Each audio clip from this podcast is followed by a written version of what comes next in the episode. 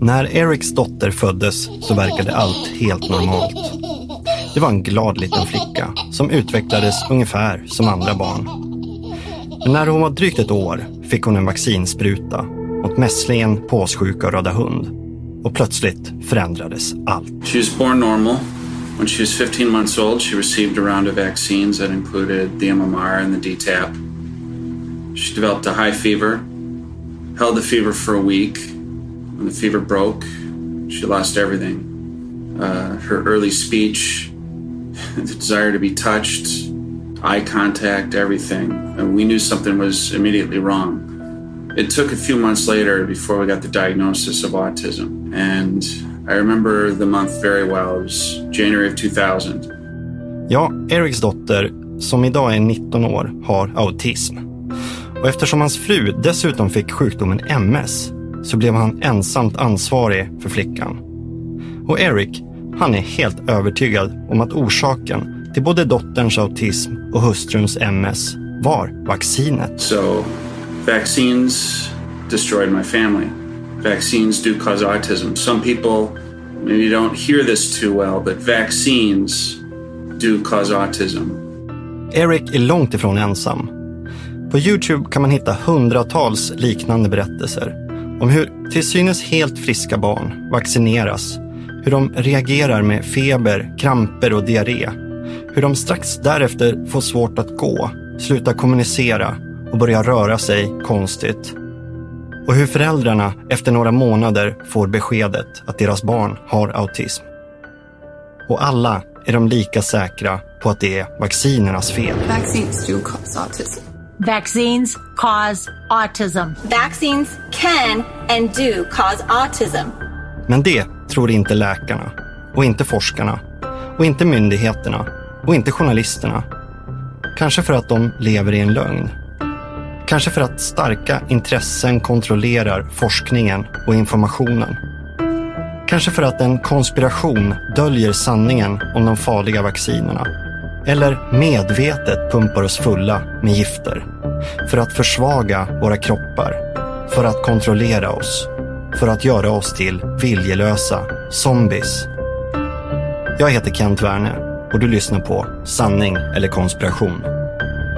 Yes, the Bilderberg Group is the highest level of world We have government. before us the opportunity to forge Here is a bulletin from CBS News. reported as dead. Mayday. Estonia, what's going on? Can you reply? From Dallas, Texas, the flash Gifta månaden apparently med official. korradion läggs undan utan utredning. Och män med walkie-talkies på mordkvällen i närheten av President Palmes Kennedy väg till died Bion. at 1 Ända fram p.m. Central Standard Time. a world where the rule of law, not the on board Malaysia Airlines flight MH370 who deserve answers about what happened to the plane. This is a conspiracy against you, the American people, and we cannot let The symbol of the all-seeing eye is closely associated with the Illuminati. A plane has crashed into one of the towers there wherever is everywhere. It is all. Sanning eller konspiration?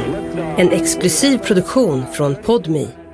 Jag är journalist och författare och jag har skrivit boken Allt är en konspiration, en resa genom underlandet. Och I den här podden dyker jag ner i kaninhålet och granskar nya och gamla konspirationsteorier. Hur har de uppstått? Varför tror så många på dem? Och vad kan vi egentligen veta? Vad är sant och vad är falskt? Hur ska man till exempel se på vacciner? Skyddar de oss mot sjukdomar? Är de säkra eller är de egentligen farliga? Fastän läkarna och myndigheterna inte vill erkänna det. Ja, kanske tillhör du de 12-13 procent av svenskarna som enligt ett par färska opinionsundersökningar inte litar på att vaccinerna är säkra. Och som dessutom tror att sanningen om vaccinernas skadliga effekter medvetet har dolts för allmänheten. Kanske tror du på de konspirationsteorier som just nu sprids till allt fler, framförallt på nätet, och som går hand i hand med ett växande vaccinmotstånd. Ett motstånd som gör att många föräldrar vägrar vaccinera sina barn. Vilket i sin tur har lett till att dödliga sjukdomar som vi en gång höll på att utrota har tagit sig tillbaka och hotar oss. Tidigare i år så klassade Världshälsoorganisationen, WHO, vaccinmotståndet som ett av vår tids största hot mot folkhälsan i världen. I det här avsnittet så ska vi titta närmare på just vaccinmotståndet och konspirationsteorierna om vaccinerna. Det är en vindlande historia som tar oss från Sverige till Storbritannien och USA. Men vi börjar med lite officiell vaccininformation från Folkhälsomyndigheten. För drygt hundra år sedan dog tusentals människor i sjukdomar som idag nästan inte finns kvar i Sverige. Största anledningen är att vi nu har tillgång till rent vatten och vaccinationer. Ja, den officiella berättelsen om vaccinerna är en riktig framgångssaga. För under de senaste decennierna så har vaccinerna fullkomligt revolutionerat folkhälsan. Dödliga och skadliga sjukdomar har utrotats och miljontals liv har räddats. Totalt förhindrar vaccinerna mellan 2 och 3 miljoner dödsfall globalt per år enligt WHO. Och vaccinet mot mässningen har räddat livet på fler än 20 miljoner människor bara sedan millennieskiftet. Och samtidigt så är grundtanken med vacciner egentligen ganska enkel. När vi vaccinerar tror kroppen att den har fått en infektion. Vaccinet består nämligen av ett försvagat och ofarligt smittämne som immunförsvaret reagerar på. Kroppen börjar då producera antikroppar som i sin tur förstör smittämnet och de infekterade cellerna. Efter denna så att säga imiterade infektionen har immunförsvaret kvar ett stort lager av något som kallas minnesceller. Dessa kommer ihåg hur smittämnet ska bekämpas nästa gång det dyker upp i kroppen. Efter en vaccination brukar det ta ett par veckor för kroppen att börja producera minnesceller. De flesta vacciner måste ges flera gånger för att de ska ge ett långvarigt och bra skydd mot en sjukdom. Det handlar om att lära kroppen hur den ska bekämpa en annars kanske övermäktig fiende. Genom att låta immunförsvarets fotsoldater träna på att bekämpa försvagade eller helt ofarliga fiender. Som en slags simulering. Och på så sätt så stärks kroppens försvar. Eller som det beskrivs i den franska tecknade serien En sällsam historia från 1986. Gifter, kapten. En farligare sort. Ser ut som stelkrampsgifter. Det är det. Tetanus, stelkramp. Men vi är ju vaccinerade flera gånger om så vi kan då verkligen försvara oss med våra antikroppar utan minsta problem. Specialtränade? Just precis. Det här ska vi snart bli av med, eller hur? Okej, kapten. Jag är redo. Då släpper vi iväg antikropparna. Ut, snabbt! Aha! Ducka, finta en aning och träffa! Vår vän hade tur. Vi hade tillräckligt med tid på oss. Stelkramp är ingenting att leka med. Tetanus, som den också kallas, kan även vara dödlig så alla människor borde vara vaccinerade. Kan man vaccinera sig mot några andra sjukdomar också? Ja, det kan man. Mot många olika sjukdomar. I Sverige vaccineras barn nu för tiden normalt mot nio allvarliga sjukdomar, nämligen polio, difteri, stelkramp, kikhosta, pneumokocker, hibinfektion, mässlingen, påssjuka och röda hund. Flickor får också ett vaccin mot humant papillomvirus, HPV, som kan orsaka livmoderhalscancer. Och de här vaccinerna tas i olika omgångar från tre månaders ålder upp till man fyller nio. Flera av dem är kombinationsvacciner och ryms i en enda spruta. Enligt Folkhälsomyndigheten så är de här vaccinerna i stort sett ofarliga. Inga läkemedel är helt riskfria och det gäller även vaccinationer. Men innan ett vaccin införs i Sverige testas det under många år och det godkänns bara om nyttan med vaccinationen är mycket större än riskerna. Vaccinets effekt och säkerhet följs noga även när det har blivit godkänt och har börjat användas. Förutom ett kraftigt försvagat eller helt inaktiverat smittoämne så innehåller vaccinerna också en del tillsatser. Det handlar framförallt om två sådana som används i nästan all modern vaccintillverkning. Nämligen formaldehyd eller formalin som det också kallas och aluminium. Formalin det har en nyckelroll. Det använder man nämligen för att försvaga levande virus och bakterier. Och I det färdiga vaccinet så finns det sen kvar små mängder. Men det är inget som skadar oss enligt myndigheterna. Folkhälsomyndigheten skriver att den mängd formalin som tillförs i samband med vaccinationer är försumbar jämfört med den totala exponering som människan utsätts för. Vi får i oss betydligt mer formalin på andra sätt, till exempel när det frigörs i gasform från möbler och byggnadsmaterial. Aluminium i form av aluminiumhydroxid eller aluminiumfosfat används som en slags förstärkare i många vacciner för att irritera immunförsvaret och framkalla en reaktion. Aluminium det är en vanlig metall som finns i bland annat dricksvatten och mat. Det kan vara farligt att få i sig mycket, men mängden aluminium som finns i en dos vaccin, den är väldigt liten. Inte ens en tiondel av vad vi annars får i oss på en dag. Och det finns lika mycket aluminium i två liter modersmjölksersättning som i en dos vaccin, enligt Folkhälsomyndigheten. Det här låter ju betryggande. Men det är inte alla som litar på den här informationen, utan som istället känner en oro för att vaccinerna på något sätt skadar barn. Och en del är helt säkra på att vacciner är farliga och på att den officiella bilden är en lögn. De kallas anti-vaxxers, eller vaccinmotståndare. De driver kampanjer och sprider information på nätet och försöker påverka politiker och föräldrar. En av de tongivande rösterna i Norden är Linda Karlström, en finlandssvensk fembarnsmor från Österbotten. Och tillsammans med svensken Torbjörn Sassersson så driver hon en hemsida om vaccinernas mörka baksida där det påstås att vaccinindustrin har lyckats indoktrinera en hel läkarkår genom likriktad skolning, duperat politiker genom lobbying och fått en bred allmänhet att fortsätta upprepa samma gamla mantra, att vacciner är säkra och effektiva. Själv fick hon upp ögonen för faran med vacciner när hennes dotter drabbades av tuberkulos efter att ha fått ett vaccin mot just den sjukdomen. Hon fick alltså inte sjukdomen trots vaccinationen, hon fick den på grund av vaccinationen. Och där någonstans så satte ju min tankeverksamhet igång. Någonting här är fel. Hur kan det få gå till på det här sättet?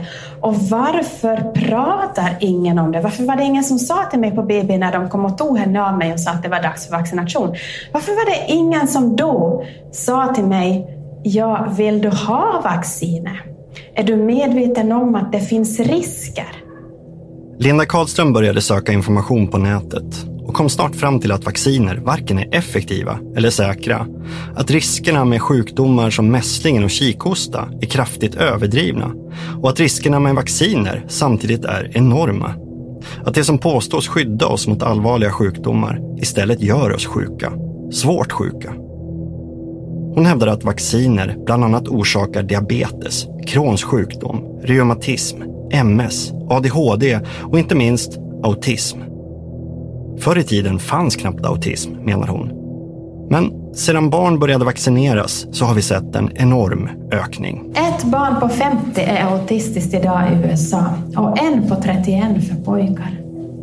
Alltså, förstår ni vilka konsekvenser det här får för våra barn? För samhället i stort.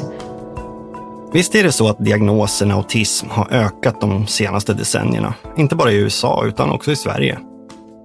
Men enligt forskarna så beror det framförallt på att diagnosen ställs oftare än förr. Inte på att fler barn drabbas. Eller som en av Sveriges ledande experter på autism, professorn och överläkaren Kristoffer Gillberg, säger i en intervju. Den registrerade diagnosen autism har ökat mer än hundrafaldigt sedan slutet av 1970-talet. Däremot finns det inget övertygande belägg för att fenomenet autism har blivit vanligare. Han förklarar att många fler symptom och problem numera klassas som någon form av autism. Men att det inte är fler barn som är drabbade nu jämfört med för 40 år sedan. Men det här resonemanget köper inte Linda Karlström hon och andra vaccinmotståndare tror att vi har att göra med en fullskalig autismepidemi och att orsaken är vaccinerna. Särskilt det så kallade trippelvaccinet mot mässling, påssjuka och röda hund. Det som i Sverige kallas MPR, men som på engelska heter MMR, MMR, mot measles, mumps och rubella. Och just det här vaccinet har varit i centrum av debatten de senaste åren.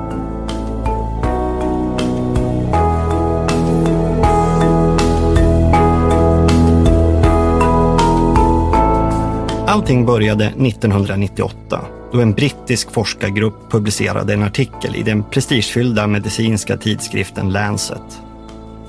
Forskarna hävdade att de hittat spår av mässlingvirus i tarmarna på barn som led av både tarminfektioner och autism. Virus som i sin tur kunde komma från vacciner. Symptomen på autism hade också uppstått strax efter att barnen blivit vaccinerade med trippelvaccinet MPR, påstod man. Men fanns det en koppling? Ja, det var i alla fall teorin. De kunde i och för sig inte slå fast något orsakssamband utan skrev att det behövdes mer forskning. Men på en presskonferens drog ändå läkaren Andrew Wakefield, som var huvudpersonen bakom studien och artikeln, betydligt mer långtgående slutsatser. Wakefield han hävdade att det fanns tillräckligt med belägg, att faran med MPR-vaccinet var så stor att det borde stoppas och att barn istället borde få enskilda vacciner mot de tre sjukdomarna med ett års mellanrum. Studien slog ner som en bomb. Nyheten vevades i medierna och oron och paniken spreds över världen. Hundratusentals föräldrar vägrade plötsligt vaccinera sina barn och andelen som vaccinerades mot mässlingen föll från 90 till 80 procent i Storbritannien. Följden blev att både Storbritannien och Irland drabbades av mässlingutbrott Även i Sverige spreds oron, särskilt efter att TV4s Kalla fakta gjorde ett program om vaccinskador år 2000. Kvällens Kalla fakta ska handla om de andra. De föräldrar som upplever att deras barn har fått allvarliga biverkningar till följd av vaccin. Hur många de är och vilken form av skador det handlar om är omöjligt att säga. Här i Sverige är det i det närmaste tabu att ens ta upp frågan. Reportrarna mötte en familj som trodde att deras son fått autism av just MPR-vaccinet. Dagen efter vaccinationen mot mässling, påssjuka och röda hund fick Kevin hög feber. På BVC sa man att det var en ofarlig reaktion på vaccinationen. Men Kevin blev sämre. Ögonkontakt, eh, eh, språk, allting försvann. Ja. Hade man träffat Kevin när han var innan vaccinationen och efter vaccinationen, det var två helt skilda barn alltså. Och så intervjuade man Andrew Wakefield som precis som förut dömde ut NPR-vaccinet och hävdade att det säkraste vore att ersätta det med andra alternativ. Den brittiske forskaren Andrew Wakefield har i sina uppmärksammade och kontroversiella studier hittat en möjlig koppling mellan mässlingsvaccinet och autism. We are not advocating cessation of vaccination. We're asking for a moratorium on the introduction of new polyvalent vaccines until we understand more about them. Because we do not want generations looking back and saying, you had an alternative, you had a safe alternative, you didn't take it, and this is the consequence. Men redan då hade Wakefields forskning blivit ifrågasatt. Det visade sig att studien bara byggde på 12 barn, som inte heller var slumpvis utvalda. Andra studier kunde inte heller hitta den där kopplingen som Wakefield påstod att han hade hittat. Misstankarna om att något var fel växte. Och 2004 kunde den grävande journalisten Brian Deer avslöja att Wakefield hade fått motsvarande 5 miljoner kronor av en advokatfirma som hade stämt en vaccintillverkare på uppdrag av föräldrar som hävdade att deras barn var vaccinskadade. Dessutom hade advokaterna rekryterat barnen till Wakefields studie. Men inte nog med det. Wakefield han hade också lämnat in en patentansökan på ett eget vaccin mot bara mässlingen strax innan artikeln publicerades. Han hade alltså ett ekonomiskt intresse i att MPR-vaccinet hamnade i blåsväder. Och man kan förstås tänka sig att han hade skruvat studien för att få de svar som han och hans uppdragsgivare ville ha. Det här gjorde att Wakefields forskarkollegor och medförfattare strök sina namn från artikeln och att Lancet gick ut offentligt och bad om ursäkt för att man hade publicerat artikeln. Men det var inte över än, för det fanns mer att avslöja. Medicinalstyrelsen i Storbritannien satte igång en stor utredning samtidigt som journalisten Brian Deer grävde vidare. Och 2010 stod det klart att Wakefield hade gjort sig skyldig till långt värre saker. Att han hade utfört plågsamma och otillåtna ingrepp på barnen och att han dessutom hade ägnat sig åt forskningsfusk. Deer hade träffat föräldrarna till barnen i studien och tvärt vad Wakefield påstod så hade flera av barnen fått symptom på autism redan innan de hade vaccinerats, medan andra inte ens hade fått diagnosen autism. Dessutom hade Wakefield manipulerat testresultat och fifflat med data. Kort och gott så var studien en bluff och Wakefield en bedragare. Lancet drog därför tillbaka artikeln och Wakefield blev av med sin läkarlegitimation. Sedan 1998 har också flera oberoende forskningsstudier genomförts baserade på hundratusentals barn. Och ingen av dem har kunnat hitta någon koppling mellan MPR-vaccinet och autism. Redan 2002 så visade en dansk studie på omkring en halv miljon barn att risken för autism var lika stor bland de barn som fått MPR-vaccinet som bland de som inte hade fått det. Och 2005 kunde en japansk studie konstatera samma sak. Så, end of story? Nej, inte direkt. För bollen var redan i rullning. Rädslan och motståndet mot MPR-vaccinet växte. Och det var många som försvarade Wakefield, som trodde på honom, som menade att han utsattes för en häxjakt. Det är också så Wakefield själv ser på det. Han hävdar att anklagelserna är falska och att såväl myndigheterna som medierna har velat krossa honom för att han kom för nära sanningen. Eller som han själv beskrev det i den amerikanska tv-kanalen Fox News 2011. There is a fraud, but the fraud is not coming from me. It is coming from Brian Deere. Dr. And it is a Wakefield. fraud that's being perpetrated against the children of this country Vid det laget hade Wakefield redan flytt från Storbritannien och bosatt sig i Texas i USA. Och där fick han en ny karriär som förgrundsfigur inom en växande antivaccinrörelse. Och för många är han en hjälte. En modig forskare som tog upp kampen mot vaccintillverkarna och alla som gick i deras ledband. Till hans anhängare hör bland annat skådespelarna Robert De Niro och Jenny McCarthy, som bägge har söner med autism. Wakefield, han håller tal på möten och deltar i debatter och skriver böcker. Och han är en av producenterna bakom en omdiskuterad dokumentär med titeln Vaxxed, From Cover-Up to Catastrophe, som har visats på biografer i USA och som sprids på nätet. I filmen medverkar Wakefield som expert och som sanningsvittne. Han håller fast vid att det finns en koppling mellan vacciner och autism. Och han menar att etablissemanget och läkemedelsbolagen har gjort allt för att dölja den kopplingen. Inte bara genom att attackera honom, utan genom att kontrollera forskningen i största allmänhet. I dokumentären får vi höra en telefonintervju med William Thompson, en forskare på det amerikanska smittskyddsinstitutet CDC. Han kallas för visselblåsare och det verkar som att han avslöjar att CDC medvetet har manipulerat och dolt data som visar på en förhöjd risk för autism bland svarta pojkar som fått NPR-sprutan i delstaten Georgia. Right now, I'm sitting in a very pretty position in terms of providing you a lot of information. They sliced and diced the data in an effort to get rid of that effect. The relative risk of receiving an autism diagnosis was astronomical. Wow. The CDC had known all along there was this MMR autism risk. CDC har kommenterat det här och sagt att man uteslöt siffrorna eftersom de troligen berodde på en skevhet i urvalet då det fanns krav på att barn i specialskolor i just Georgia var vaccinerade. Och samtidigt så var vaccinationstäckningen bland svarta barn i allmänhet lägre. Men det här, det nämns inte i dokumentären. Där, och i en intervju i tv-kanalen Fox News, talar Andrew Wakefield istället om en massiv mörkläggning. It's his words, it's his opinion, it's his documents uh, that really carry the message of this film that there has been a huge cover up which has put millions of American children in harm's way. And it was totally unnecessary.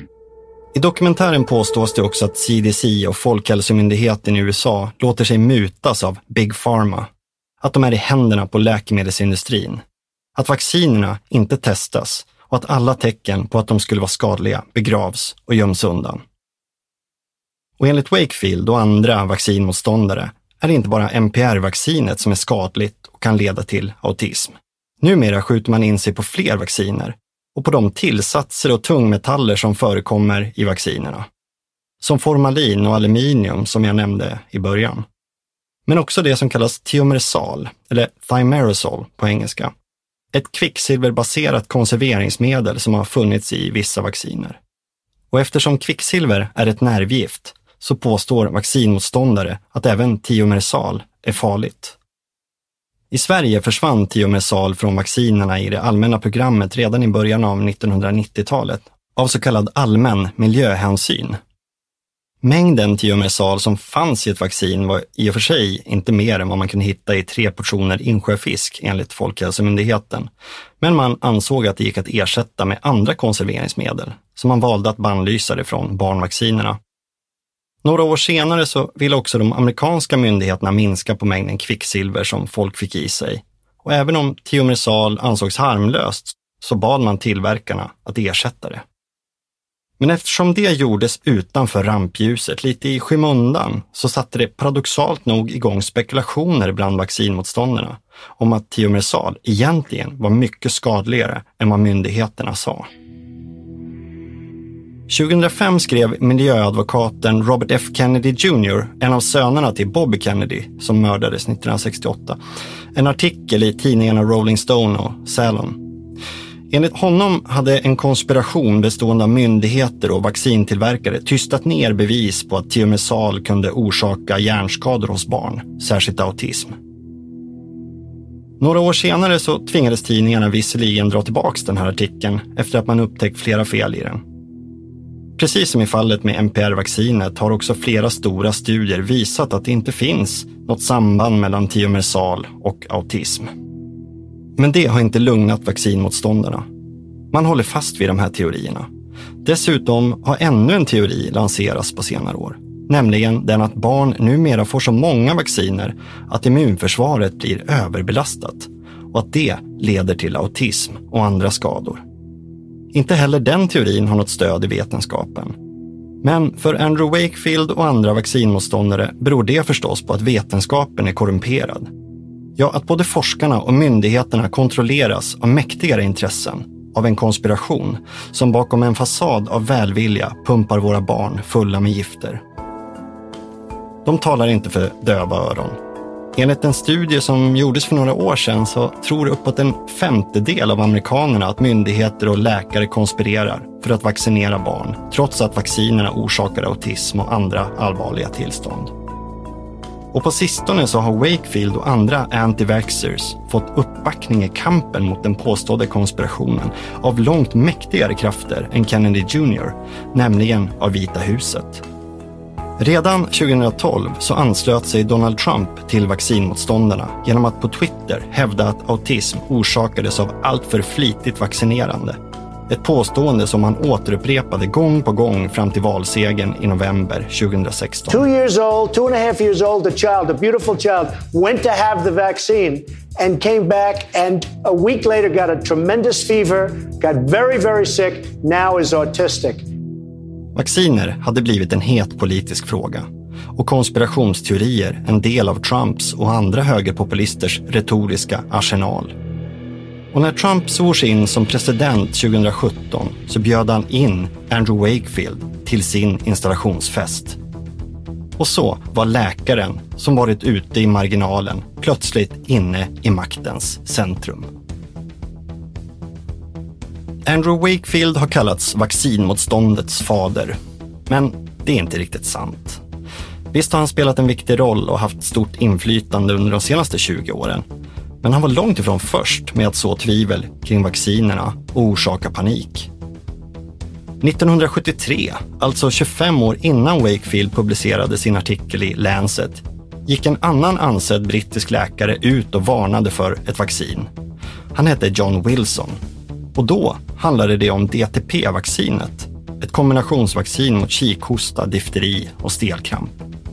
Wilson påstod att han funnit bevis på att DTP-vaccinet kunde orsaka hjärnskador på små barn. Precis som i fallet Wakefield så baserades Wilsons studie på väldigt få barn. Och sen visade det sig också att flera av dem var feldiagnostiserade. Att funktionsnedsättningarna högst troligt var genetiska och att vissa av dem aldrig ens hade fått DTP-vaccinet. Men när det blev känt så hade rädslan redan fått fäste och skadan var skedd. Andelen barn som vaccinerades mot kikhosta föll brant i Storbritannien, från 80 procent till 30 procent. Och några år senare så bröt en kikhosteepidemi ut, med många döda. Trots det, och trots att det gjordes många andra studier som inte fann något samband mellan DTP-vacciner och hjärnskador, så spreds paniken snart över Atlanten till USA.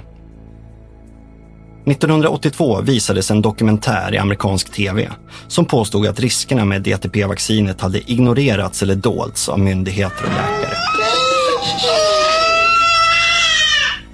It's a fact of life. All children must get four DPT shots to go to school. Shots we are told will keep our children healthy.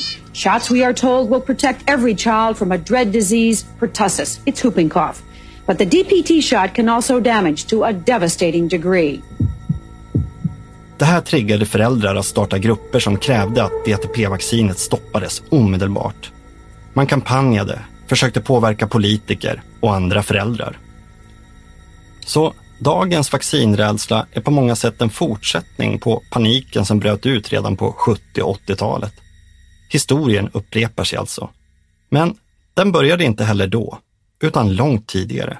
Faktiskt nästan 200 år tidigare. För vaccinmotståndet och konspirationsteorierna är i princip lika gamla i sig, vaccinet i sig.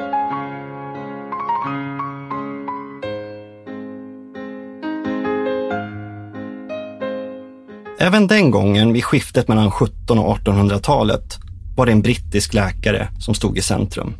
Edward Jenner, han som lanserade det första vaccinet, det mot smittkoppor. Smittkoppor hade funnits i tusentals år, tagit livet av faraoner och kejsare och kungar och förstås miljontals vanliga människor. I Syd och Nordamerika dog till exempel miljontals människor av sjukdomen när spanjorerna och portugiserna förde med sig smittan över Atlanten på 1400 och 1500-talen. Man tror att uppemot 90 procent av ursprungsbefolkningen strök med. Men även i Europa kunde smittkopporna slå ut hela arméer och avgöra krig. Under 1700-talet i Europa räknade man med att vart sjunde barn dog av smittkoppor. Genom seklerna försökte man hitta ett botemedel. Och det enda som tycktes fungera var att bli smittad och överleva, för då var man immun. Så man försökte sig på en slags kontrollerad smittoöverföring genom att sekret från en smittkoppa rispades in i huden på en frisk person. Det här kallades variolisation, eller ympning. Det ledde ofta till en lindrigare infektion som gjorde att man blev immun. Men ungefär två av hundra dog och metoden slog aldrig riktigt igenom. Det behövdes någonting effektivare och säkrare. Det var här Edward Jenner kom in i bilden. Han hade hört att mjölkpigor som hade smittats av den betydligt mildare sjukdomen kokoppor inte verkade få smittkoppor. Så han genomförde ett drastiskt experiment. Han ympade en åttaårig pojke med kokoppor och sen utsatte han pojken för smittkoppor. Och det fungerade. Pojken blev immun. Edward Jenner döpte sin upptäckt till vaccin efter latinets ord för ko, vacca. I början var det ingen som trodde på Jenner. Man såg det som otroligt. Men snart så lyckades han övertyga andra läkare, tjänstemän och politiker. Och inom några år så spreds metoden över världen. Men vaccinet och Jenner mötte också hårt motstånd, inte minst från religiöst håll. En del präster ansåg att vaccinet var okristligt eftersom det kom från djur. Andra menade att sjukdomar var en del av Guds plan och att man inte skulle överpröva den. Samtidigt var misstron mot läkare utbredd. Många såg Jenner som en kvacksalvare och det spreds teckningar som visade hur de vaccinerade förvandlades till hornprydda kossor. Den första stora antivaccinrörelsen uppstod i mitten av 1800-talet i England som en reaktion mot ett försök att införa obligatorisk vaccinering. På 1870-talet växte också motståndet mot obligatoriska vaccinationer i Sverige. Motståndarna hävdade att smittkoppsvaccinet i bästa fall var verkningslöst och i värsta fall livsfarligt. Och sedan dess har rädslan för vacciner och motståndet blossat upp mellan varven. Särskilt när nya vacciner mot allvarliga sjukdomar och farsoter har introducerats. Genom åren har argumenten varit ungefär de samma. Att läkare och forskare är korrupta och ondskefulla. Att vaccinerna innehåller giftiga och skadliga ämnen. Och att en konspiration har dolt riskerna och farorna med vaccinerna. Allt för att skydda vaccintillverkarna. Och ibland har man målat upp något ännu värre. En konspiration som avsiktligt förgiftar oss med vacciner för att hålla nere befolkningsmängden.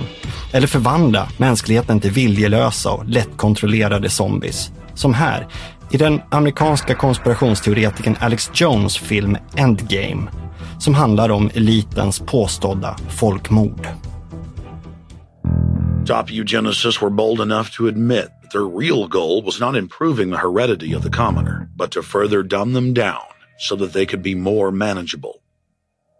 Nobel Prize winner Russell wrote at length about how vaccinations filled with mercury and other brain damaging compounds would induce partial chemical lobotomies and develop a servile zombie population. Det här skulle kunna avfärdas som ren paranoia. Men problemet är att rädslan inte är helt ogrundad. För vacciner har inte alltid varit säkra. Det finns faktiskt flera exempel på att vacciner har vållat stor skada och till och med dödat. Det hände till exempel att de tidiga vaccinerna var förorenade med andra virus och bakterier, vilket ibland orsakade sjukdomar som tuberkulos, stelkramp och syfilis. I början av 1900-talet dog till exempel 30 barn i USA av stelkramp efter att de hade fått nedsmutsade vacciner mot smittkoppor och difteri. Ett halvsekel senare inträffade det som blev känt som Carter-skandalen. I början av 50-talet bröt en omfattande polioepidemi ut i USA. 1952 smittades många som 55 000 personer. Av dem dog 3 000 och 21 000 blev förlamade, de flesta av dem barn. The fear, my friends, is polio. But soon, perhaps within a year, there may be a vaccine. Ja, forskarna hade redan börjat utveckla ett vaccin och nu blev det bråttom. 1955 ansågs vaccinet säkert och tillverkningen släpptes fri. Miljontals barn vaccinerades. Men snart strömmade det in rapporter om att många av dem ändå hade drabbats av polio. Siffrorna landade till slut på 40 000 poliosmittade, över 200 förlamade och 10 döda.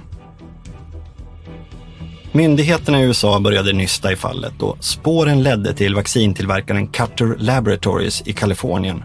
Bolaget hade producerat 120 000 doser poliovaccin och i många av dem hade viruset överlevt formalinbehandlingen och var fortfarande aktivt.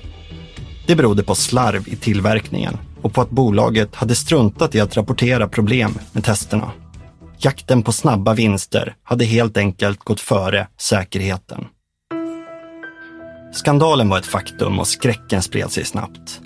De vacciner som Cutter Laboratories hade tillverkat togs bort, samtidigt som kraven på kontroller och säkerhet ökade.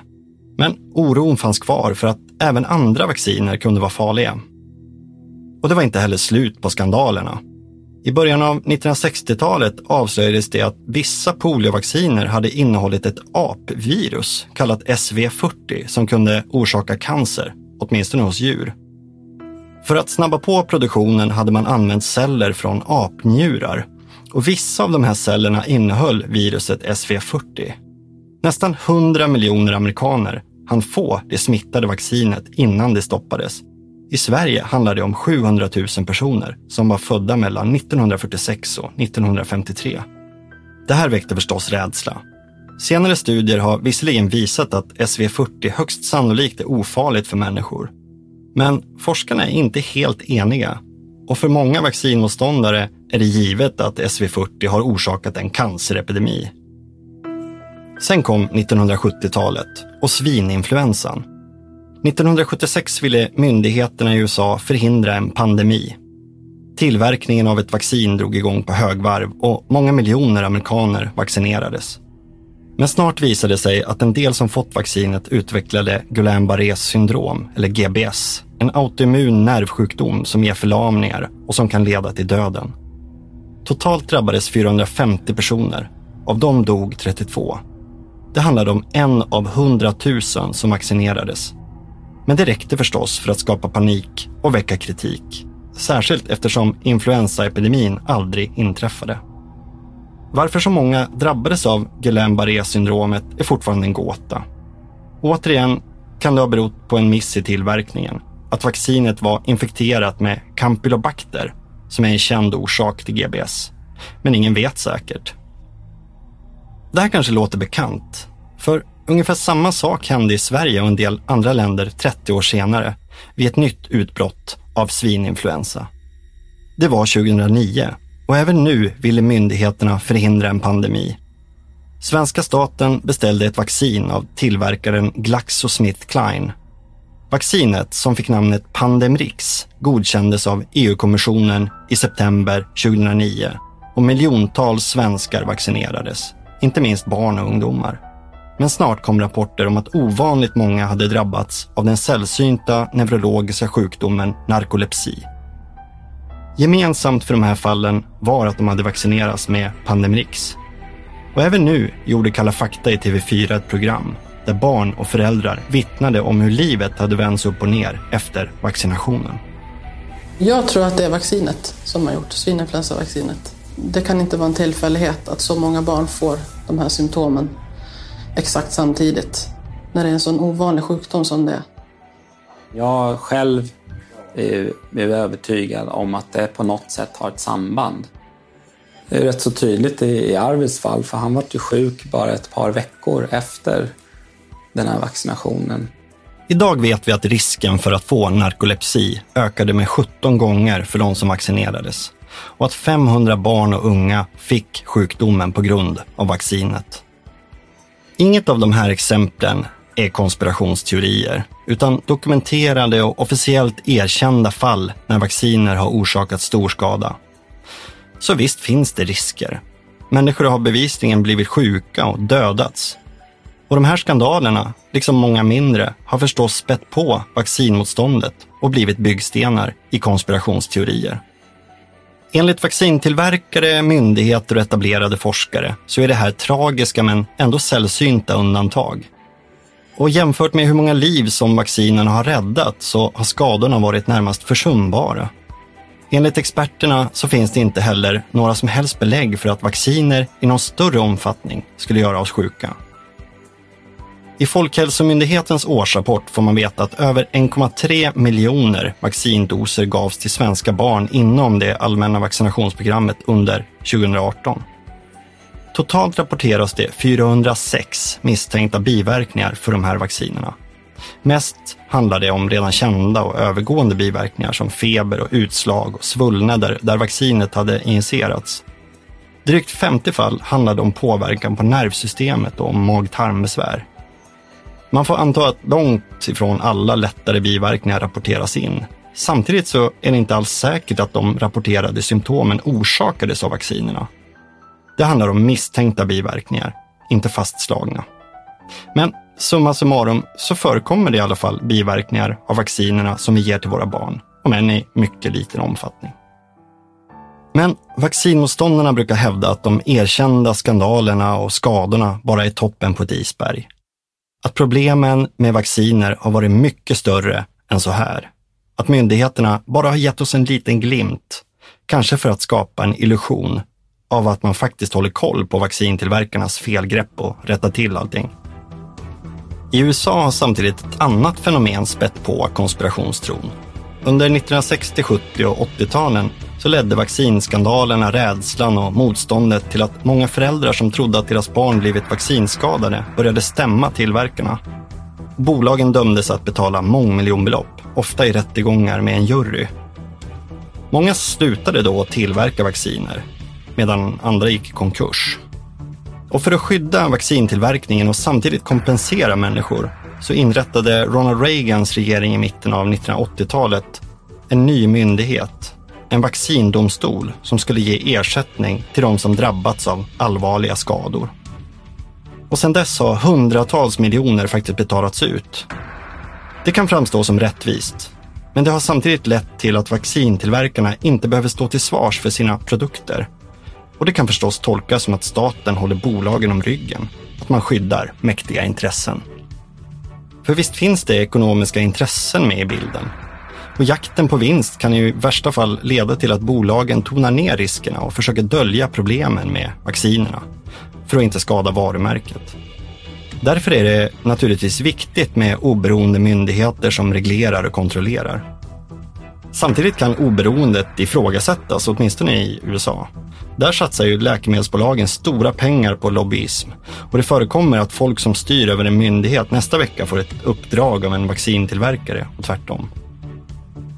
Men är det skäl nog att tro att det pågår en systematisk mörkläggning av farorna med vacciner? Eller att vaccinerna, som en del påstår, är den dolda maktens verktyg för att göra oss till slavar? Nej, det är faktiskt svårt att hitta belägg för det. För det finns också mängder av oberoende forskare och studier som granskar vaccinerna och med några få undantag har man inte kunnat visa på några större faror. Senast i år presenterades till exempel en ny dansk studie, den största någonsin, som slog fast att det inte finns något samband mellan MPR-vaccinet och autism. Man följde upp 657 000 barn som är födda mellan 1999 och 2010. Och man kunde konstatera att autism var lika vanligt eller ovanligt bland vaccinerade barn som bland de som inte hade vaccinerats. Men trots alla de här studierna så fortsätter många föräldrar att hävda att det är vaccinernas fel att deras barn har fått autism. Hur kan det komma sig? Autism är en diagnos som förändrar allt. Som förälder kan man känna en stark oro. Och det är kanske inte så konstigt om man söker efter svar på varför det har hänt.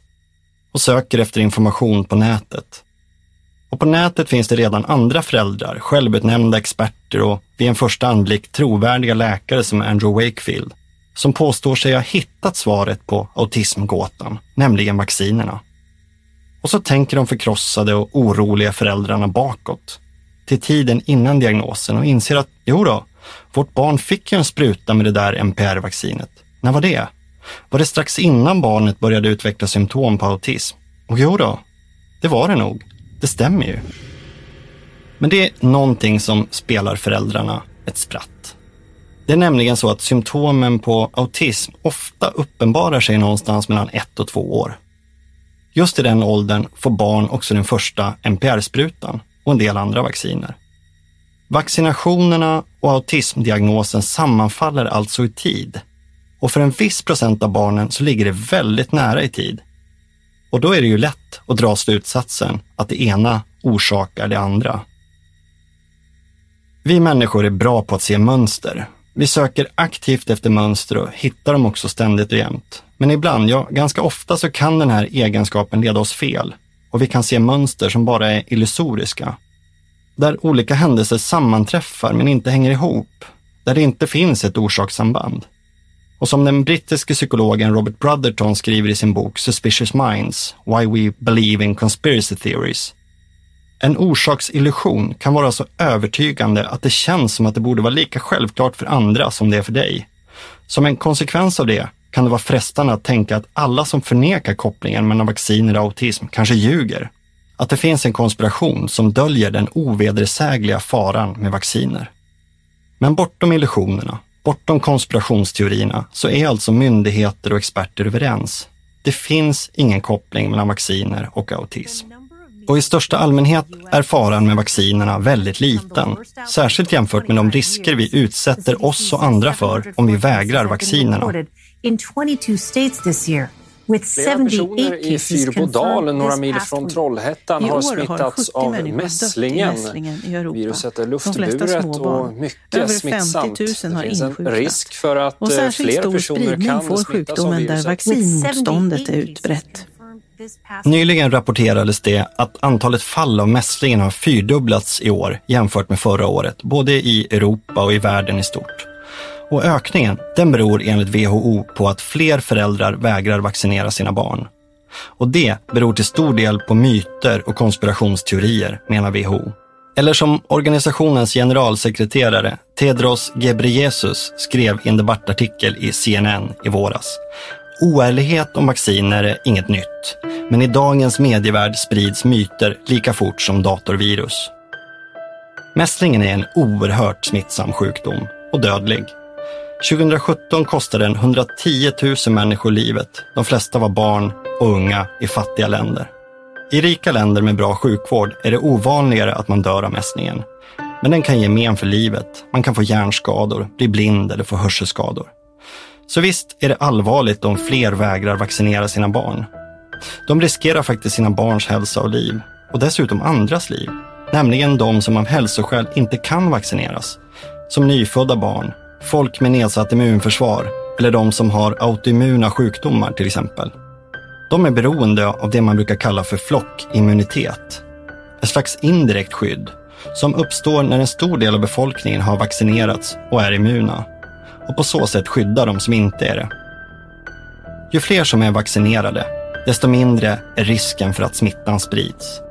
Och om tillräckligt många är vaccinerade, ja, då kan sjukdomen utrotas helt, som smittkopporna. Forskare och myndigheter brukar säga att ungefär 90-95 procent av befolkningen bör vara vaccinerad för att man ska få en bra flockimmunitet.